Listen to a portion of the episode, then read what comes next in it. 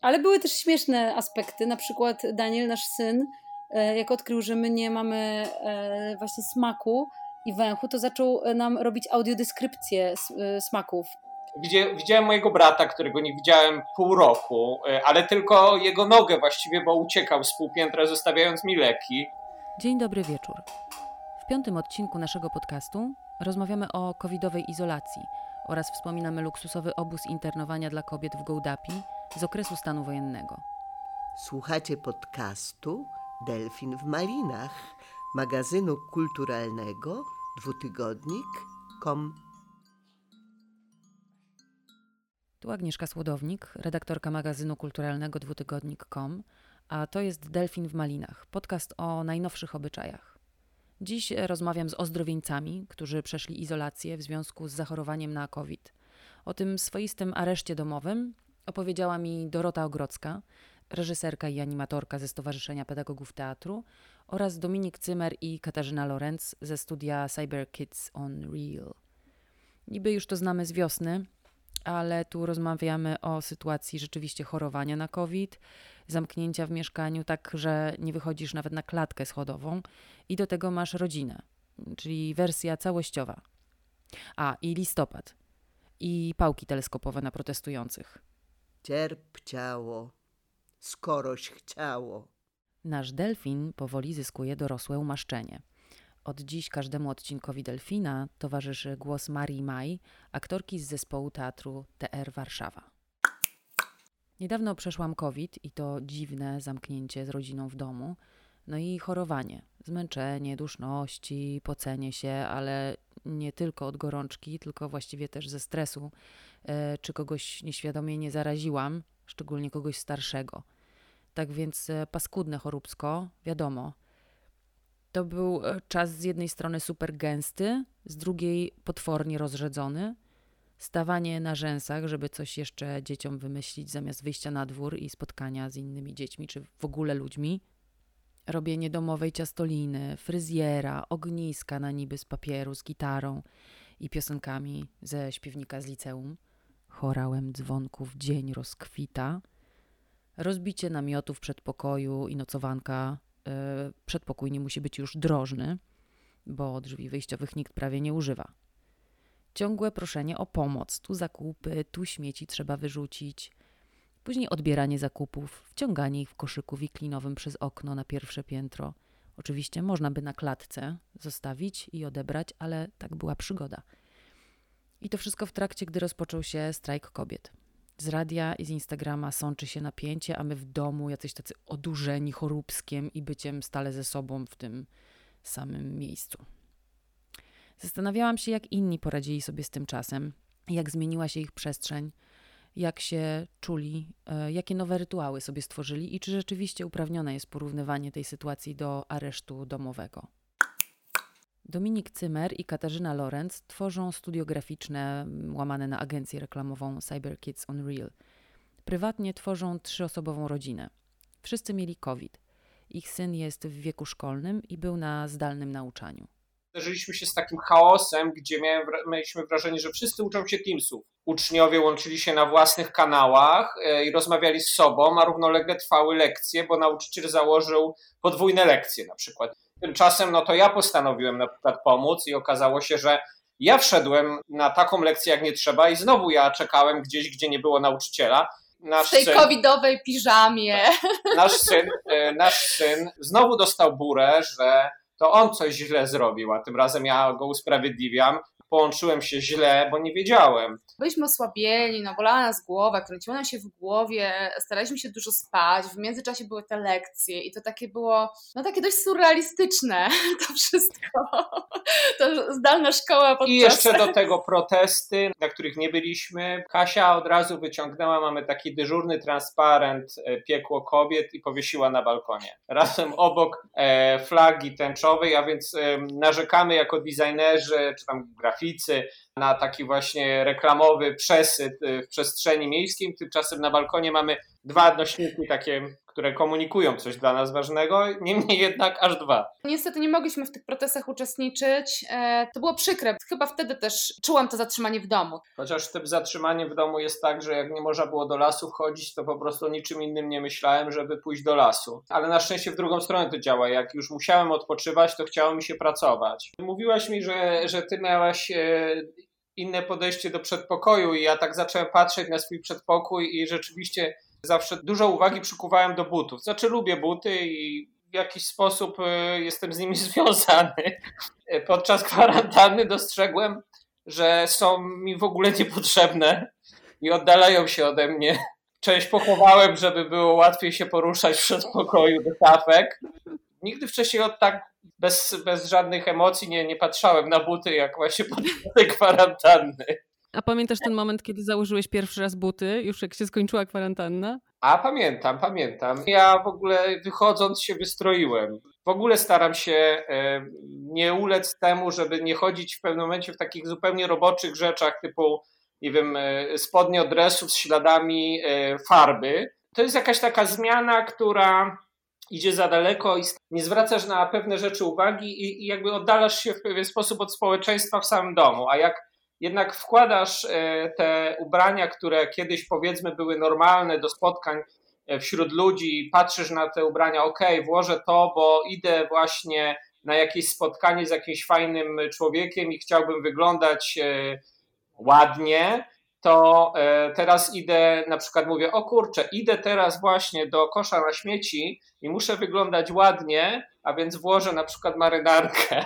Taka odświętność wyjścia ze śmieciami to jest podział jakby przestrzeni też wydaje mi się, że mimo, że ta przestrzeń nie może być podzielona, bo ja pracuję osobiście w sypialni, Kasia w, jak to nazwać, nie wiem, w salono kuchni e, i jakby tym ubraniem jednak, tym, że się zakłada, nie wiem, skarpetki albo nie siedzi się w piżamie, to jednak w jakiś sposób się tą przestrzeń dzieli i tak samo wychodząc do, gdzieś na zewnątrz do sklepu lub, nie wiem, po jedzenie, E, to też jakby w jakiś sposób dzielę tą przestrzeń i daję sobie taką odrobinę nadziei, że, że kiedyś będzie normalnie i to będzie funkcjonowało. Obym nie zniszczył tych rzeczy, bo będę musiał po kwarantannie kupować nowe.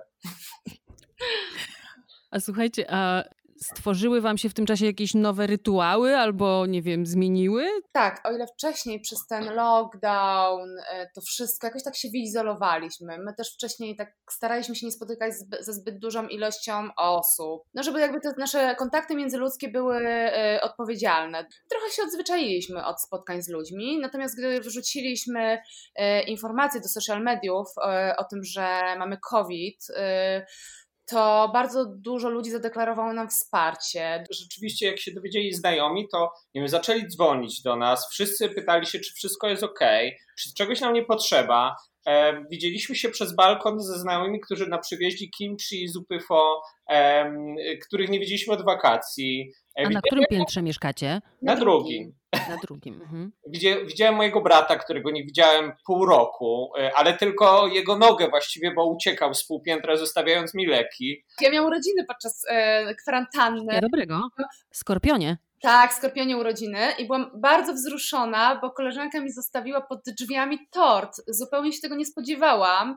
Ona, ona uciekła, tak? Bo właśnie a propos takich rytuałów, to my otwieraliśmy drzwi, jak ktoś do nas dzwonił, oddalaliśmy się w maseczkach, bo mamy długi przedpokój e, i ludzie nam zostawiali, zostawiali rzeczy na wycieraczce, oddalali się, tam machali do nas, e, jakoś du, dużo czasu nie, trwa, nie, trwało to spotkanie, więc e, Ola mi zostawiła torbę, tam miał być chleb, patrzę, a tam jest tort i po prostu byłam byłam wzruszona, bardzo wzruszona e, i to było śmieszne, bo ja jej nic nie powiedziałam, e, jakby nie zareagowałam przy niej, bo nie wiedziałam, co tam jest. Mm, zadzwoniłam do niej za chwilę z takim krzykiem, śmiechem, e, łzami wzruszenia i to też takie wiesz, nietypowe, bo mhm. jeśli przynosi tort, no to mu dziękujesz, rozmawiasz, a tutaj to było takie jakby w normalnej... e, rozpisane w czasie.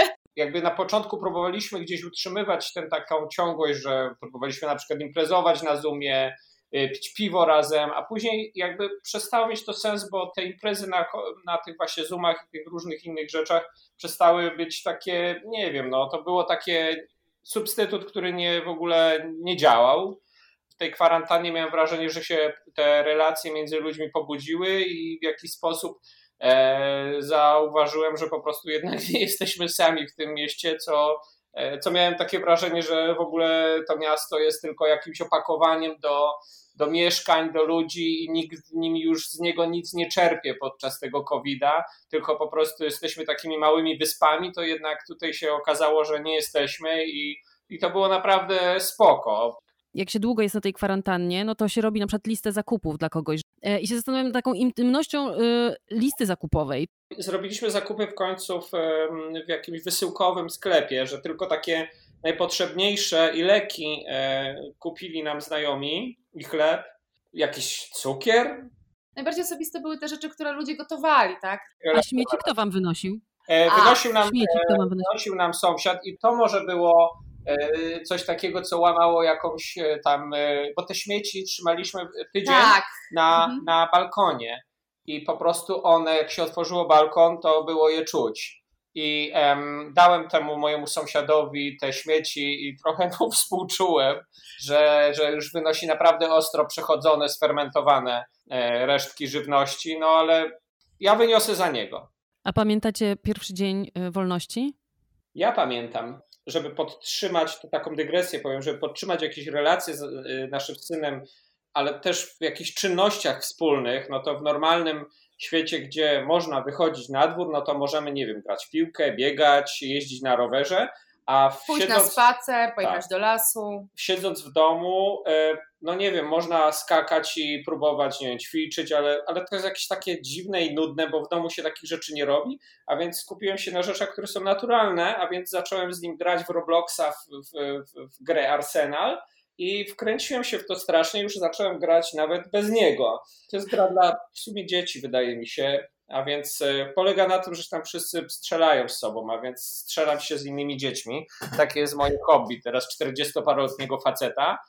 I właśnie siedziałem przy komputerze do bardzo późna i rozważałem wyjście minuta po 12 symbolicznie na dwór, ale już mi się nie chciało. A na drugi dzień yy, poszedłem na pocztę yy, po rzecz, która przyszła polecony. Wszedłem na tą pocztę, zacząłem chodzić w ogóle to, i to był piątek 13, zdaje mi się. Obawiałem się trochę tego dnia, ale na, z poczty mnie w ogóle usunięto, znaczy usunięto, wygoniono, ponieważ były to godziny seniorów, a ja w ogóle nie w tym wszystkim zapomniałem. Nie było super. Poszedłem do Ciuchmeksu, a na wieszaku wisiały dwie rowerowe koszulki za 24 zł, które kupiłem. Kupiłem chleb, wróciłem do domu, poszedłem znowu na pocztę, wróciłem do domu, popatrzałem na buty, które mi się tego dnia przydały.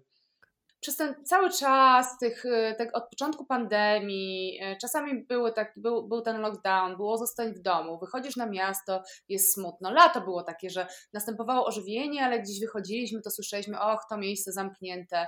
Tutaj już e, tak, tak nie jest. Jak nawet wyskakiwaliśmy gdzieś coś przekąsić e, wieczorem, e, to też kelnerzy mówili, nie wiadomo, czy nas nie zamkną. E, I to wszystko było takie, wiesz, przytłaczające. To, co wcześniej oferowało Mhm. miasto, taką beztroskę, spacery, e, to życie miejskie, to po prostu od marca zaczęło taki tracić czar, urok, a wręcz e, zaczęło tak przytłaczać. I, i Mhm. może dlatego też to zamknięcie w domu nie było jakieś dla nas zbyt wielkim wyrzeczeniem, nie było zbyt wielką zmianą, bo chyba my też w pewnym momencie zamknęliśmy się na to smutne miasto czasów pandemii. Potem to wyjście na miasto też nie było jakimiś fajerwerkami. Pewnie, że fajnie wyjść, pewnie, że fajnie to poczuć, pewnie, że fajnie zobaczyć ludzi, ale też wszyscy w maseczkach, więc e, udało nam się wyjechać za miasto. e, No i to było fajne, tak? Bo jakiś tam bezkres, las, e, pola, więcej zapachu, bo można było zdjąć te maski, przyłbice. No ale to jest też tak, że to jest postępująca taka trochę od, odklejenie się od miasta, bo też y, na przykład y, na dłuższą metę, jeśli to potrwa, nie wiem, rok, dwa lata, jeszcze to ja nie wyobrażam sobie takiego życia, takiego Mhm. życia w mieście, że Zaczęliśmy rozważać wyprowadzkę z miasta, rozważamy ją. dla nas jako pracujących i tak zdalnie właściwie zawsze, także my pracujemy przy komputerach i możemy wykonywać tą pracę gdziekolwiek, to coraz więcej argumentów jest za tym, żeby wyprowadzić się gdziekolwiek daleko, na przykład od miasta, gdzie możemy, nie wiem, swobodnie się poruszać, nie musimy być tacy zamknięci, uwięzieni, bo jednak e, to, to jest takie zamknięcie i, i to się czuje. Czy jest coś, co z wami jakby zostanie? Kwarantanna, czy, czy, czy w ogóle ta epidemia zmienia trochę podejście od, do pewnych rzeczy, jak na przykład chorowanie. Oszczędzaliśmy się w przeciwieństwie do tego, jak nieraz pracujemy podczas grypy, czy chodzimy po prostu chorzy po, do pracy chodziliśmy chorzy i w ogóle nikt nie zwracał na to uwagi, wręcz to było powiedziane, o, mimo że jest chory, to jeszcze ciężko pracuje. I to było jak, trochę takie podejście w cudzysłowie bohaterskie. A teraz mam wrażenie, że jednak to się zmienia w taką stronę, że jednak trzeba dbać o siebie i przez to, że się dba o siebie, to się też dba o innych, bo nie jesteśmy po prostu e, sami dla siebie. Słuchacie Delfina w Malinach rozmawiamy o najnowszych obyczajach. W jednym z kolejnych odcinków Delfina pociągniemy bardziej temat, o którym tu Dominik e, wspomniał, czyli tej pracy bohaterskiej mimo choroby, która to sprzyja wypaleniu zawodowemu. O tym wypaleniu porozmawiam z Pauliną Jędrzejewską oraz Piotrem Grabowskim z Fundacji Culture Shock, autorami raportu badawczego o wypaleniu zawodowym w trzecim sektorze. Dwutygodnik, napij się z naszego kubeczka, wspieraj na Patronite. Dorota Ogrodzka jest artystką społeczną, pedagogzką teatru, reżyserką. Jest prezeską Stowarzyszenia Pedagogów Teatru razem z Justyną Lipko-Konieczną wyreżyserowały spektakl Kuracjuszki o opozycjonistkach stanu wojennego internowanych nie w więzieniu, a luksusowym ośrodku wczasowym pracowników prasy, książki, radia i telewizji w Gołdapi. Dorota prywatnie ma rodzinę z dwójką małych dzieci. E, rozmawiałam z nią 15 dnia ich izolacji w związku z zachorowaniem na COVID. Jak się poczułaś, jak się dowiedziałaś, że będziesz musiała tyle czasu spędzić w domu? Byłam przerażona ja mam też taki tryb reagowania, że od razu moja wyobraźnia praktyczna działa bardzo intensywnie. Wyobrażam sobie nawet nie tyle wszystkie najgorsze scenariusze, co wszystkie drobne i szczegółowe konsekwencje. Takie obrazy mi się zaczęły wyświetlać, jak będziemy wyglądać po 10 dniach. Jakie to obrazy były? E, jakie będą dźwięki? No, miałam takie, taką wizję naprawdę bardzo dużego zmęczenia, tego, że próbujemy w naszym 56-metrowym mieszkaniu e, jakoś się pomieścić, znaleźć przestrzeń dla swoich potrzeb. E, właściwie z góry założyłam, że to będzie niemożliwe, e, albo przynajmniej, że będzie musiało być zredukowane. Miałam taką wizję rozsypanych klocków, puzli, rozwalonych książek, stosu brudnych naczyń, koszmaru życia rodzinnego i życia w zamknięciu drobne, szczegółowe, trywialne, związane z brudem, z dużą ilością natężonych dźwięków, mm, z tym, że brakuje światła, bo w ogóle na dworze jest go mało, a co dopiero w mieszkaniu.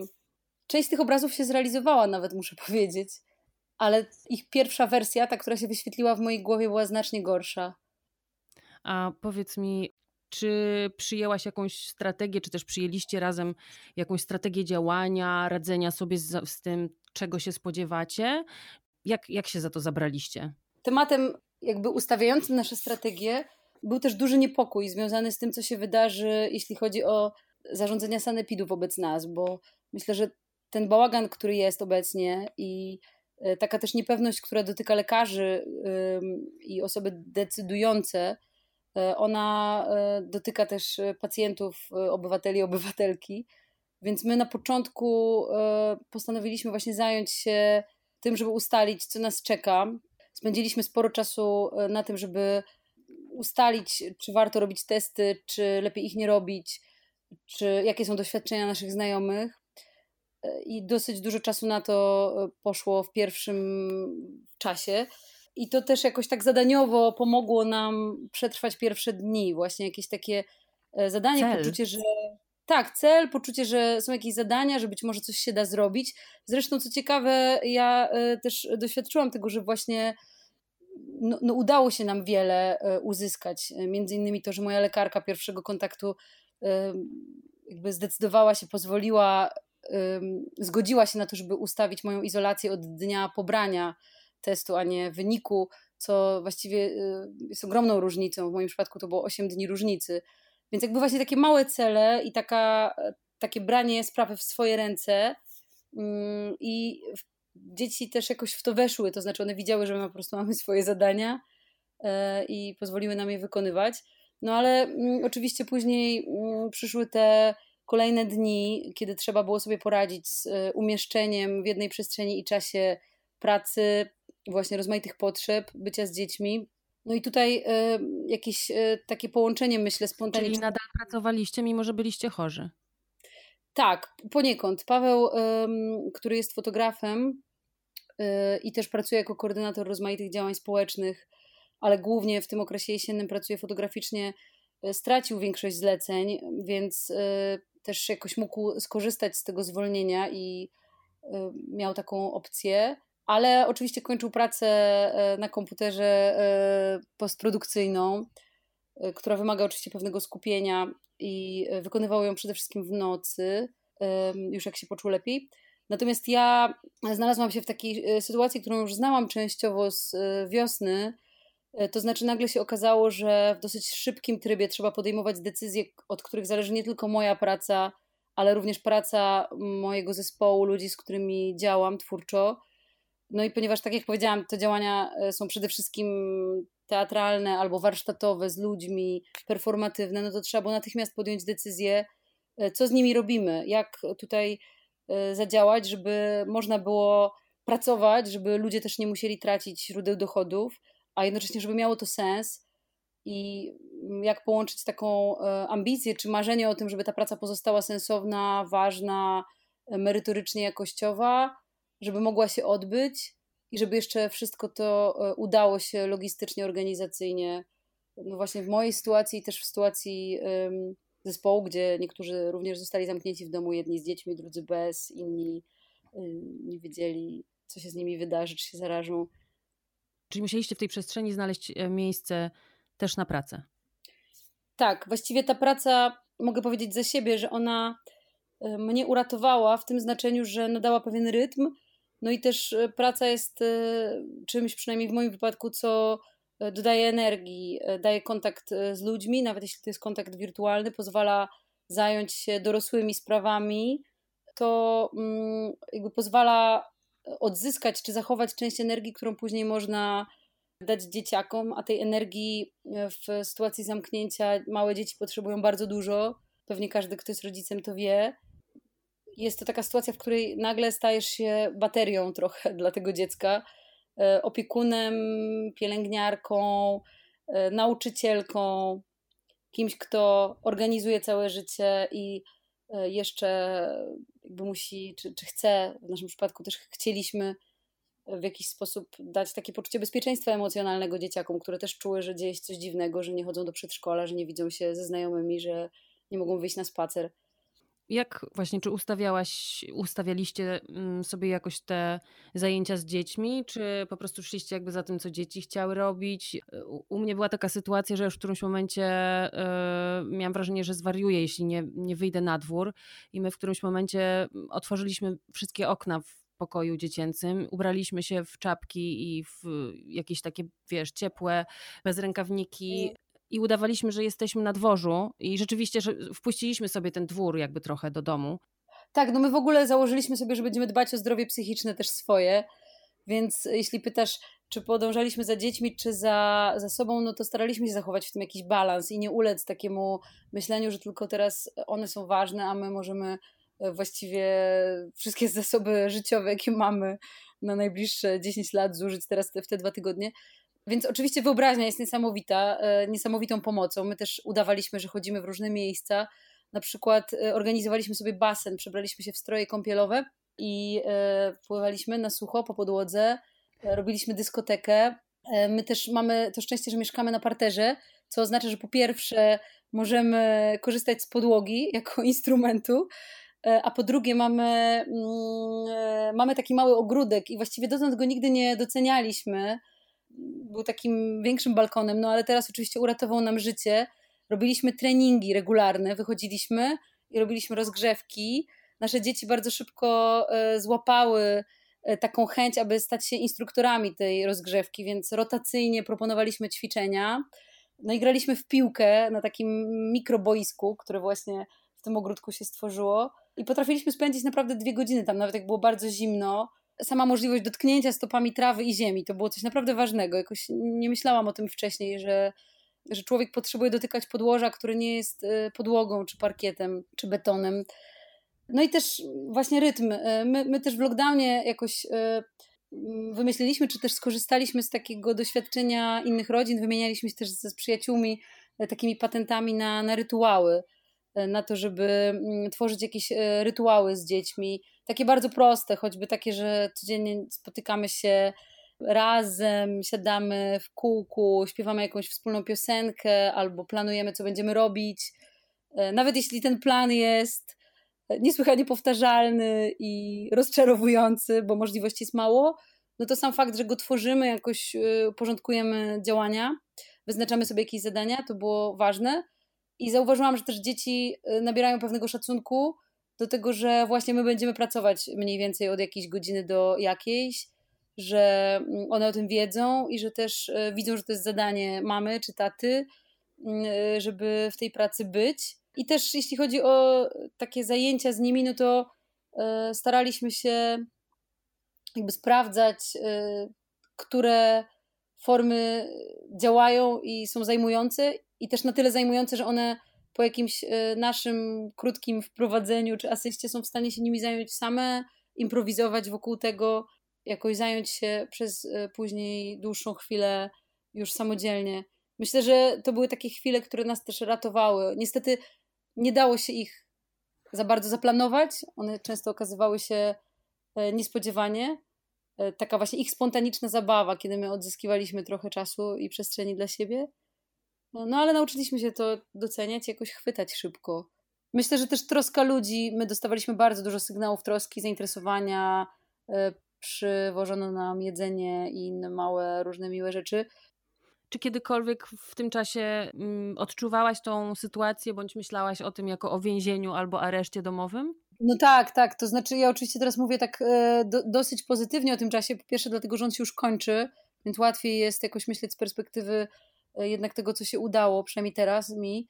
Ale w trakcie e, i zwłaszcza na początku bardzo i, i się bałam, i też doświadczałam takich momentów, mm, takiego fizycznego przytłoczenia tym, że nie da się wyjść, że nie ma ruchu. Ja też jestem osobą, która bardzo Y, kocha ruch, bardzo tego potrzebuje, więc z pewnym zdziwieniem w ogóle jakby odkryłam to, że da się przetrwać, ale wielokrotnie w trakcie tego czasu myślałam o tym, że to musi być potworne, kiedy człowiek jest zamknięty, nie czuje i albo nie wie, kiedy to się skończy. Przypominał mi się nieustannie serial Orange is the New Black, taki serial, gdzie główna bohaterka trafia do więzienia i w pewnym momencie zupełnie nie wie, kiedy z niego wyjdzie i co się wydarzy, ani jakie będą jej losy. Mm, I myślałam o tym, że, że to oczywiście może nie jest tak aż tak dramatyczne, jesteśmy w swoich domach, ale że to jest y, strasznie przytłaczające i że bardzo trudno jest w ogóle snuć jakieś plany, a jednocześnie bardzo to pomaga, kiedy można się zawiesić na, jakimś, na jakiejś perspektywie czasowej. Natomiast właśnie bardzo dużo takich sygnałów troski i to jest coś, co całkowicie zmienia perspektywę, no bo oczywiście w więzieniu myślę, że bardzo przytłaczające też jest to, że jest się jednak jakoś stygmatyzowanym społecznie y, i nikt nie jest miły dla ciebie, albo przynajmniej rzadko się to zdarza to tutaj to zmienia perspektywę. Natomiast faktycznie to zamknięcie, y, ono nagle pokazuje, jak ważny jest ruch, jak ważne jest w ogóle wychodzenie. Pamiętam, że właśnie jak wyszłam w nocy, w dniu, w którym skończyła się moja izolacja, to miałam jakieś takie bardzo dziwne doznania zmysłowe. To znaczy, po pierwsze, wydawało mi się, że wszystko jest bardzo piękne, mimo że jest listopad. I w ogóle pierwszy raz doceniłam ten miesiąc, że wszystko jest przepięknie oświetlone, że E, w ogóle te kamienice, nawet jakieś bloki e, takie zwykłe, odrapane, które są wokół nas, że one są urokliwe. Mm, bardzo mnie cieszyły liście, kolory. Naprawdę jakoś tak e, zobaczyłam też zmiany w przyrodzie, które się zdarzyły przez ten czas, mimo że oczywiście wyglądaliśmy przez okno, ale jednak i taka przyjemność chodzenia. Przypomniał mi się taki esej Michela Deserto, takiego filozofa, który bardzo dużo pisze o chodzeniu, że chodzenie jest myśleniem, że chodzenie jest marzeniem, że chodzenie to jest praktyka społeczna, on tam rozwija to bardzo szeroko. I naprawdę odczułam to namacalnie, że to chodzenie bardzo dodaje życia w taki prosty sposób fizyczny, ale że ono też jest jakby taką miarą wolności, że możesz sobie nagle pomyśleć o sobie jako o podmiocie, o kimś, kto o czymś decyduje, nawet jeśli to jest y, na poziomie y, decyzji, czy skręcić w prawo, w lewo, czy zatrzymać się i popatrzeć w niebo. Ja na przykład jak wsiadłam do samochodu po, po swojej kwarantannie, to dostałam e, choroby lokomocyjnej. Pierwszy raz od Nieźle. 30 lat. Ale po prostu twój błędnik nie odzwyczaił się. Tak, chyba tak, tak. Mimo, że przecież to nie jest tak, że ja namiętnie jeżdżę samochodem. Bo też e, jednym z objawów COVID-u jest to, że jest się zmęczonym, zmęczoną i też ten objaw się może utrzymywać dłużej. Ale w pewnym momencie ja e, zrozumiałam, że nie będę wiedzieć, czy to jest z powodu COVID-a, jakieś znużenie, zmęczenie, spadki energii, czy z powodu tego, że się nie ruszamy po prostu. Ale też e, jeszcze z takich e, ciekawych rzeczy odnośnie e, podróży, to mi się przypomniało, że właśnie w trakcie kwarantanny też robiliśmy sobie takie mikropodróże. W ogóle nasze dzieci bardzo chciały wtedy czytać e, takie książki, które są, dotyczą podróży. Oni bardzo lubią taką serię e, o Nelly, małej podróżniczce, Mm, ale też e, są zafascynowani górami, też dosyć dużo podróżujemy razem. E, I te wszystkie książki one wróciły. Myślę, że to dlatego, że e, jakoś dawały jakąś inną perspektywę. I też e, zrobiliśmy kilkakrotnie takie wyprawy w naszym ogródku albo w naszym pokoju. Daniel wyznaczył szlaki górskie z kamieni, szczyty i właściwie się przemieszczaliśmy, wyobrażając sobie, że to jest prawdziwa skala. No i to było oczywiście bardzo fajne. Myślę, że gdyby dłużej to trwało, to już nie, nie cieszyłoby nas tak bardzo, ale w takiej krótkiej perspektywie jednak, którą jest dwa czy trzy tygodnie, mimo wszystko krótkiej stosunkowo, to się sprawdzało i dawało jakoś tak, takiej frajdy. E, Ja w ogóle dwa lata temu robiłam taki spektakl kuracjuszki. To był sierpień, gdy powstała Solidarność. Na koniec szpaler sierpnia wojska i milicji, a w środku, w wielkim i wytwornym holu ośrodka radia i telewizji, atmosfera wczasów. Ten kurort nas dokładnie złamał. Takie kapitalne zagranie i szacunek dla tego, kto to wymyślił. Bo to była sytuacja luksusowa. Nawet nie dlatego, że było jedzenie i las. No i idealnie, bo w tych warunkach i tak nic nie mogę. I nagle jestem bohaterką. Mamy dużo materiałów, które panią obciążają. Pięć lat ma pani murowane.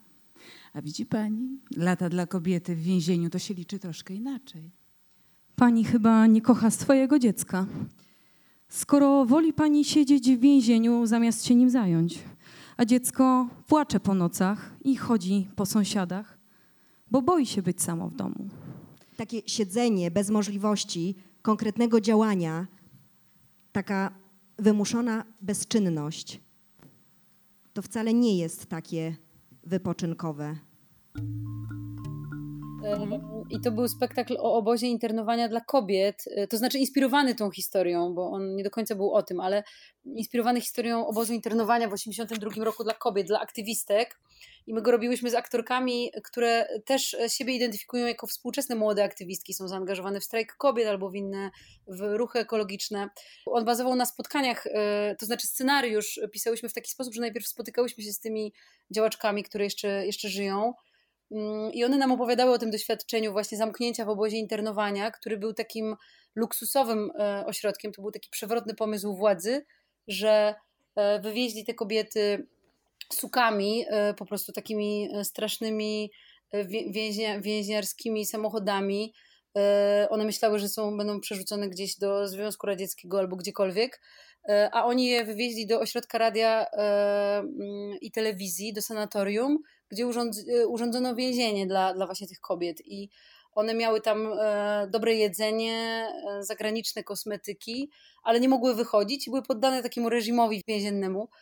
E, I one, niesamowite były te rozmowy, bo każda z nich inaczej to przetrwała, miały bardzo różne strategie, zrobiły sobie swój uniwersytet, niektóre weszły w taki tryb super aktywistyczny, organizowania się, E, robienia jakichś takich e, aktów e, oporu. Mm, inne zupełnie jakoś mm, zostały tym przytłoczone. Duży odsetek z nich jakoś cierpiał później na depresję albo w trakcie. I to były niesamowite rozmowy i bardzo dużo myślałam o tym w ogóle już w trakcie lockdownu. I też moje aktorki, z którymi jesteśmy w kontakcie, dużo o tym myślały, właściwie każda z nich.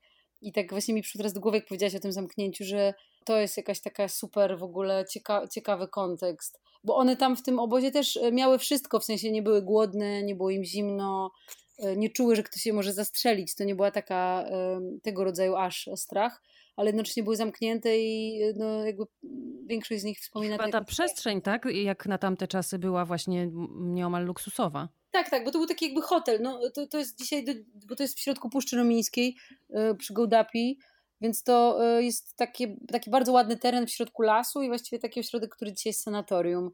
E, no i niektóre z nich trafiły tam mając lat 18, inne 40, niektóre miały dzieci i zostały zabrane od małych dzieci no więc tutaj ten aspekt takiego niesamowitego stresu i strachu.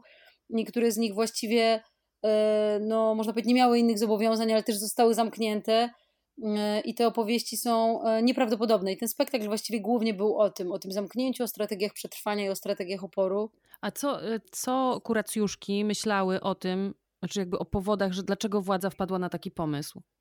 Ten tytuł w ogóle wziął się z takiego takiej naszej trochę hipotezy, że to oczywiście miała być kuracja w takim sensie negatywnym, to znaczy takie, e, taka próba odwiedzenia, wyleczenia, naprawienia aktywnych kobiet, pokazania im, gdzie jest ich miejsce.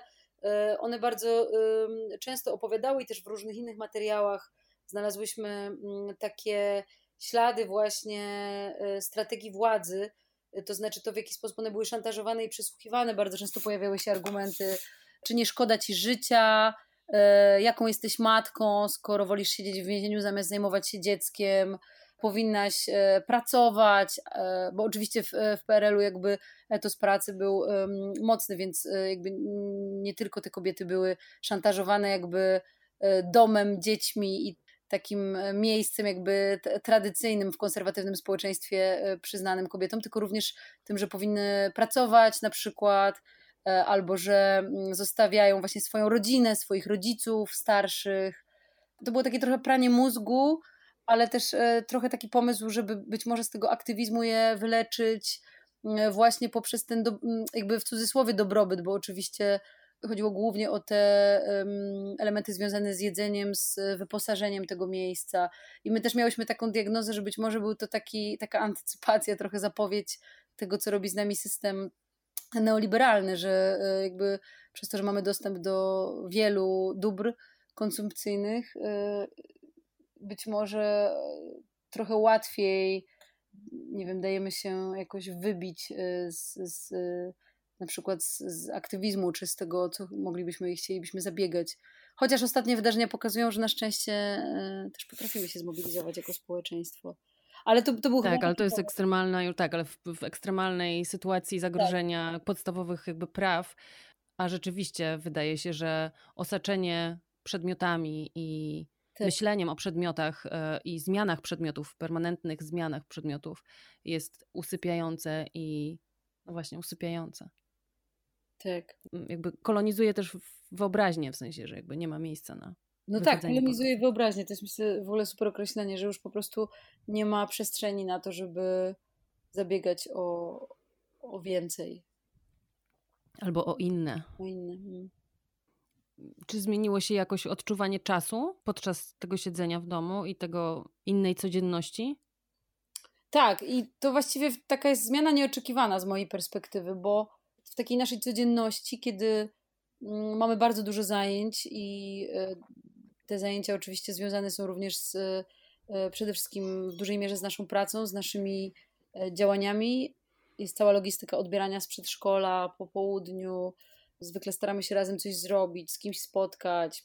I często wydaje nam się, że to popołudnie, które mamy z dziećmi, jest takim długim czasem, w tym sensie, że trzeba je jakoś zagospodarować, żeby e, właśnie oszczędzać siły, żeby jakoś też móc zauważyć własne potrzeby, więc jakby w takiej perspektywie codzienności ta kwarantanna wydawała się nieskończenie długim czasem, skoro mamy nie tylko popołudnie, ale cały dzień i to jest dzień w dzień, który musimy zająć.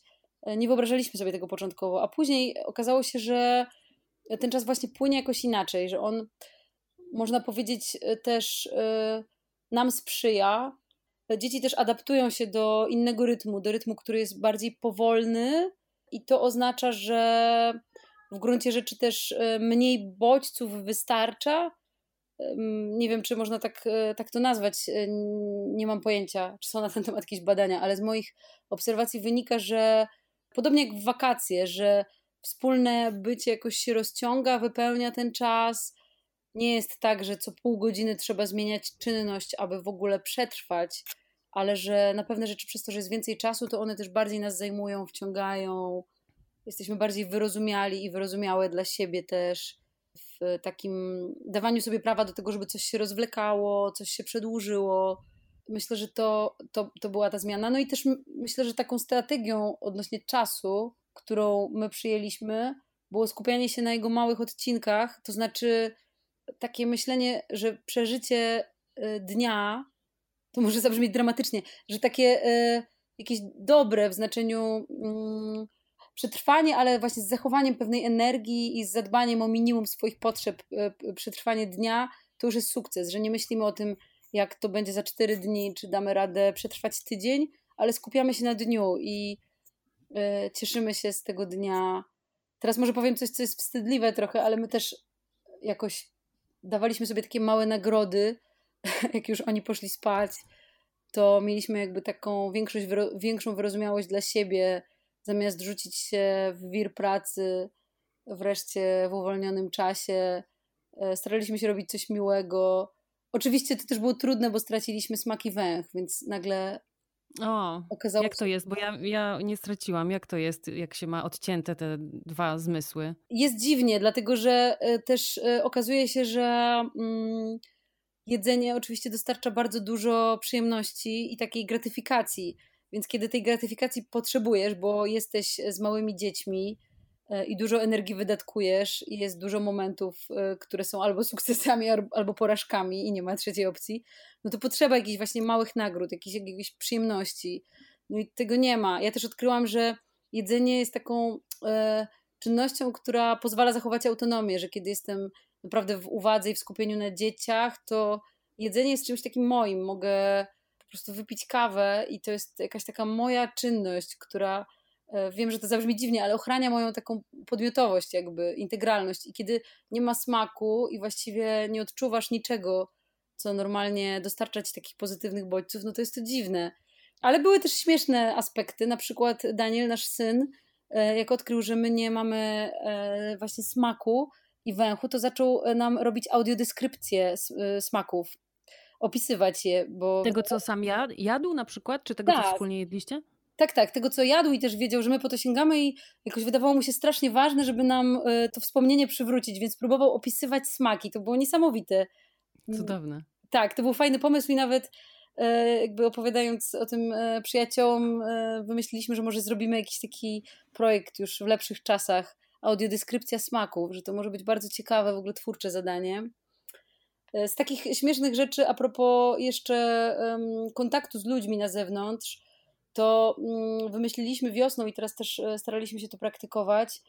E, takie działanie polegające na tym, że Daniel, on ma 6 lat już, zadawał pytania i nagrywał filmiki i zadawał pytania o różne aspekty życia. Takie bardzo proste, codzienne, na przykład, czy można z Lego zbudować całe miasto, takie prawdziwe w którym ludzie mogą funkcjonować, ale też takie bardzo złożone pytania, na przykład y, co to są uczucia, y, albo mm, co to jest śmierć, filozoficzne pytania. Nagrywał filmiki z tymi pytaniami i wysyłał je do naszych znajomych y, i przyjaciół, których też zna, czyli do, do wujków, cioć.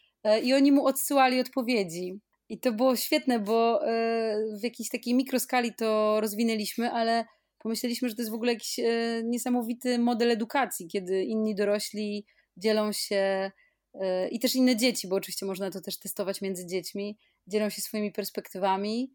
E, na ogół oni udzielali odpowiedzi nie z pozycji ekspertów, którzy wszystko wiedzą, tylko raczej dzieląc się tym, co sami myślą i też często swoimi wątpliwościami. To było niesamowicie wciągające, też bardzo przyjemne.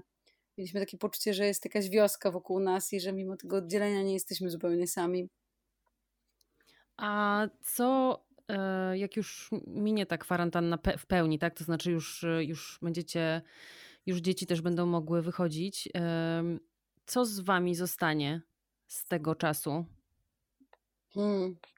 Ja mam takie poczucie trochę jak po porodzie, chociaż może to jest przesada, ale mam takie poczucie trochę superbohaterstwa, to znaczy właśnie w, w kontraście do tego przerażenia początkowego, no teraz czuję, że daliśmy radę jakoś, były oczywiście też trudne momenty, bardzo dużego zmęczenia, frustracji, oczywiście jakichś emocji, mm, też poczucie, że się nie mieścimy w czasie z tym, co byśmy chcieli zrobić, ale myślę, że to, co jest y, bardzo fajne, no to właśnie dawanie sobie prawa do takiego czasu, który jest y, powolniejszy, i który jest skoncentrowany na prostszych czynnościach, e, według takiego przekonania, że nie musimy iść na super wystawę albo spotkać się z mm, przyjaciółmi na jakimś wypasionym pikniku, ale możemy zostać w domu e, i robić coś prostego, i to też może być przyjemne i może być jakąś opcją. Myślę, że też dużo takiej bliskości między nami się wytworzyło, takiego powrotu do czerpania radości z tego, że można się przytulać, e, leżeć w łóżku do dziesiątej, chociaż nie jest weekend. E, no i też e, myślę, że taki właśnie szacunek dzieciaków do pracy. Ja zawsze bardzo uważałam, żeby nie pracować przy nich, żeby w miarę mało korzystać, w miarę możliwości mało korzystać z telefonu, żeby nie wciągać ich w ten swój świat pracowy zbyt mocno. A teraz przez to, że czasami towarzyszyły mi na spotkaniach na Zoomie, a jak robiliśmy performance online, i wydawało mi się, że musi być e, bardzo cicho i że muszę być w pełni skupiona, a właściwie okazało się to niemożliwe, to nagle zobaczyłam, że one mogą stać się jakąś y, częścią tego mojego świata pracowego i że też z tego czerpią, że to jest dla nich y, bardzo atrakcyjne, że mnóstwo ciekawych rozmów między nami się dzięki temu toczy i Daniel nawet w ogóle w pewnym momencie powiedział, że on chciałby być reżyserem, y, bo wydaje mu się to ciekawe chociaż widział tylko wersję online i, i mi się to wydaje jakoś zupełnie nieatrakcyjne w porównaniu do prób na żywo. Więc to, co bym chciała zachować, to chyba też taką otwartość na to, żeby bardziej włączać je w swoje życie i żeby godzić się też na to, że ludzie, z którymi pracuję, w jakimś, w jakimś sensie y, mogą zobaczyć ten kawałek mojej, nie wiem, prywatnej scenografii, prywatnego życia, że nie musi to się skończyć katastrofą że taka większa organiczność y, też w takich sytuacjach wyjątkowych może się sprawdzić, przepływu między tym, co prywatne, tym, co publiczne. No i też chyba taka, takie wyczulenie w ogóle na potrzeby, też y, zrozumienie tego, że ludzie, którzy są w ogóle w kwarantannie, są w swoich różnych okolicznościach, nie tylko wtedy, kiedy mają dzieci, ale w ogóle w swoich różnych okolicznościach życiowo-domowych i że to jest częścią ich, y, taka większa wrażliwość na to i zrozumienie chyba, to bym chciała, żeby zostało. Serdeczne dzięki dla Stowarzyszenia Pedagogów Teatru za możliwość skorzystania z ich przestrzeni w szkole na Emilii Plater 31 w Warszawie. Szczególne ukłony dla Sebastiana Świądera. Sprawdźcie ich fanpage, bo robią bardzo ciekawe rzeczy, eksperymentują z formatami. Na przykład robią audialny spacer performatywny e, pod tytułem Empatia, czy też spektakl o strajku nauczycieli. I możecie też zobaczyć wspominane tutaj kuracjuszki na Zoomie 19 i 20 grudnia roku cudownego 2020. Słuchaliście podcastu Delfin w Malinach, magazynu kulturalnego dwutygodnik.com. Scenariusz, dźwięki i realizacja Agnieszka Słodownik. Muzyka Kevin MacLeod. Muzyka ze spektaklu Kuracjuszki Magdalena Sowul. Lektorka Maria Maj. Redakcja dwutygodnika to Zofia Król, Paweł Soszyński, Maciej Jakubowiak, Piotr Kowalczyk, Anna Pajęcka, Agnieszka Słodownik, Jakub Socha i Paulina Wrocławska. Wydawca Dom Spotkań z Historią. Listopad 2020.